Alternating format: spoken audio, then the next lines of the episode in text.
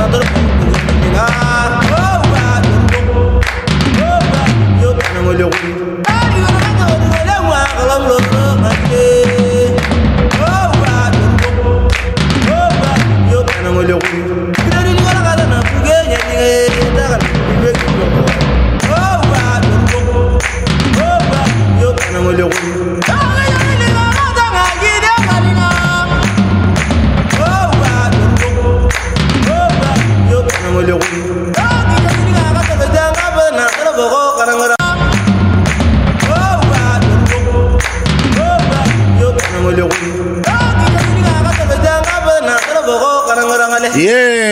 Africa Day happy Africa Day. Njengalokho uzwa ke imsindo yaseAfrika sikhupha lona ke usuku lweAfrika. Namhlanje kade lokhu sihamba endaweni eziningi siqale eZimbabwe sabuye eZimbabwe saya eNigeria siyabuya eNigeria saya eGhana sabuye eGhana. Manje ke sinokukhulu ukuhlonipheka lokhu umroza as we are hosting his majesty eh the king ya khona eh Nigeria. Mm. His Royal Highness King James Ayatse the 5th from Nigeria. We are talking about Africa Day. We are talking about education in Africa. We are talking mm. about leadership. We are talking about uh, African identity as it is our DNA. Your Highness, we welcome you in our South African station, Ukozi FM. Thank you very much. Thank you so much. Happy Africa Day. Happy Africa Day. Thank Happy Africa Day to you too, sir. Your Highness, um, we know that uh, we've got a, a, long journey as African people. Uh, more especially, we know that we were colonized and uh, for the look of things, even your nation, Native Nation, was also colonized by British uh, colonial administration. I'm, I'm, I believe it had an impact, maybe a negative impact. Uh, maybe there is something maybe that you'd love to share with us since you are now the king of the nation. Yes, thank you very much. Um, we Africans have a common history of colonization. Yes, there are negative um, aspects of colonization, and there are, I believe, also some positive things we have learned over time. Yes, colonization has affected every part of Africa, and in my native nation here in Nigeria, we were also colonized, and we continue to suffer from the consequences of colonization. We, as a people, uh, have come a long way. As Africans, we have come a long way since um, uh, after the colonization in mm. the days of independence. And there is a lot we have done. There's mm. a lot of progress mm. we have achieved over the years, but there is still a lot that remains to be done um, to transform our people and to transform our nations. So, thinking of Africa Day today, um, it's a day that um, we look back at our history and then think of the things we need to do together as Africans to mm-hmm. move our people forward and to change their destinies. I don't believe that we can continue bemoaning the days of colonization. The days of colonization are over. As a people, we must think of joining hands, partnering together to build a future for ourselves and our people. That is my belief. And as mm. a king, that is precisely what I've been trying to do. Mm. Okay. You are the professor by profession, and uh, we've learned that uh, you were the chancellor of the University of uh, Nigeria uh, in agriculture and the University of uh, Agriculture, and you are you, you are the well-educated king in your country. So, how are you using education uh, to instill? your education the, your education and your experiences to the youth and women of your country yeah, thank you very much. I've been privileged to have had um, been well educated.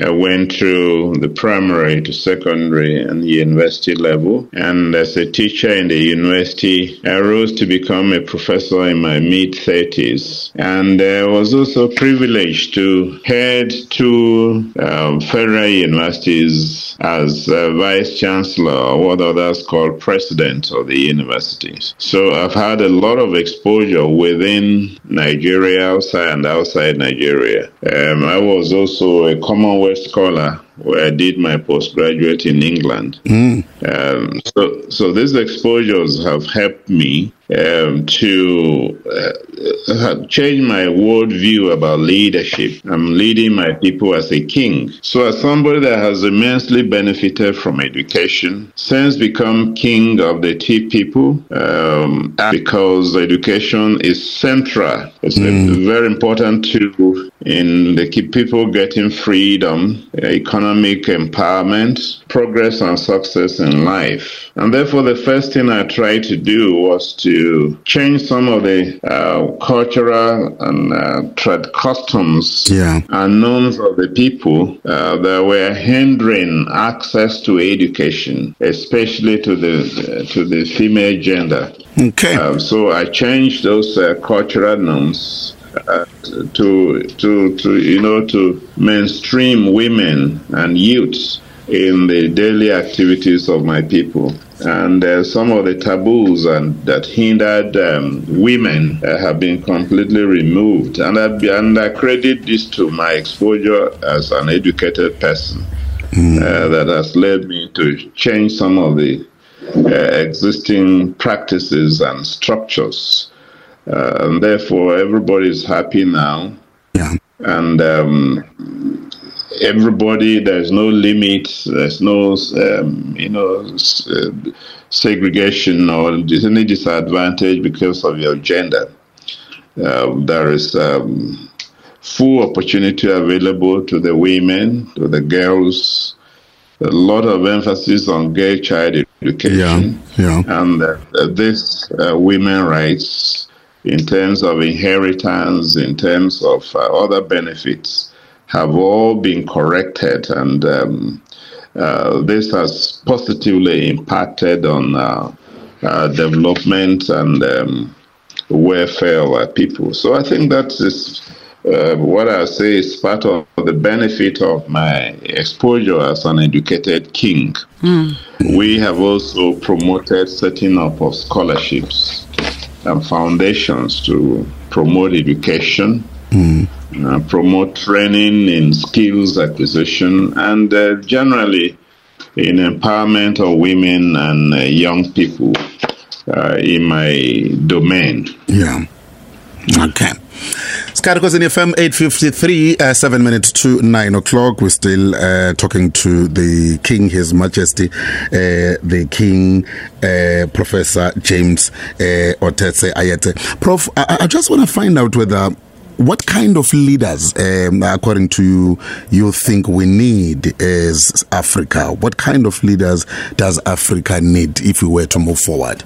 Yeah, it's um, the kind of leadership we need in Africa um, cannot be divorced from the kind of history we have had. And so, the leaders we need now, having been under subjection, sub- subjugation, and oppression by the colonialists, we need leaders that are courageous, mm. leaders that are selfless, mm. leaders that are focused, and leaders that are committed to the welfare and development of their people, their nations, and Africa in general. Uh, you know, Africa has a lot of um, uh, human and uh, natural resources. It's a continent that has been untapped in terms of the potentials available. So we have leaders, we need leaders that are independent minded, uh, that uh, will be committed to transforming Africa. Uh, we need leaders that are Pan African in their view and vision, so that they will be able to join hands together to ensure complete integration of Africa by way of um, the economics, by way of uh, tradition,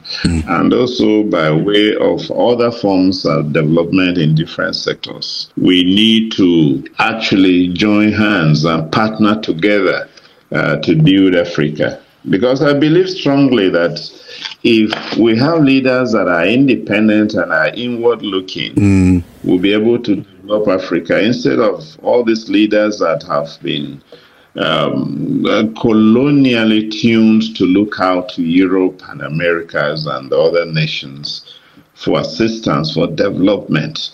These people would never, never, in all sincerity, focus to develop us the emphasis will be to exploit the, to exploit the whole huge uh, natural resources we have in Africa to develop their own countries and nations. So they Highness. cannot um, do that for us. So we need leaders that are focused, leaders that are determined, and that Africa must be the center in everything that they do. Okay. And that's the kind of leaders we need. we need in Africa. I understand that you had a very good relations with our king, the late King Goodwill Gazo- Goodwill Gazolitini. Uh, do you have anything that you still remember about the man that you loved so much? Yes. Um, I visited him in um, 2018. Um, when I was in South Africa, I had um, I had some good time with him, and uh, we I visited him. We had um, a lot of discussions about Africa. I visited him also uh, just um, at the time, shortly after the time we had all this uh, xenophobia that was affecting Nigeria. And we discussed extensively about different issues and uh, how to partner as kings uh, for the good of our people. And um, I remember him as a very pleasant man, very insightful, um, uh, concerned about the development of his people. And um, we, we, I was to uh, visit him again. He was he invited me for his birthday.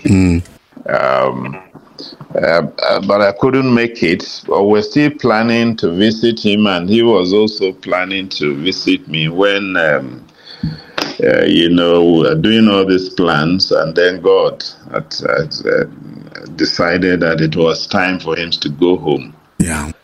Uh, I miss him so much. I miss him as a, I remember him as a very strong leader uh, who was uh, determined to do his best for his people. Wow. And I believe that people have lost um, a wonderful king. I haven't met um, his, his successor, but I believe that, uh, you know, the uh, the Zulu people uh, of Bantu origin, and the T people also have Bantu blood. So we part of our history and migration also involves uh, uh, our com- moving from um, Southern Africa through the Congo uh, to where we are now in Nigeria. Wow. So there were a lot of some commonalities when we discussed. King Joe, due to time constraint, thank you so much for your time. I understand you just stepped out of a meeting with the president just to honor this interview. Thank you so much. We really appreciate it. All right, thank you. Wow.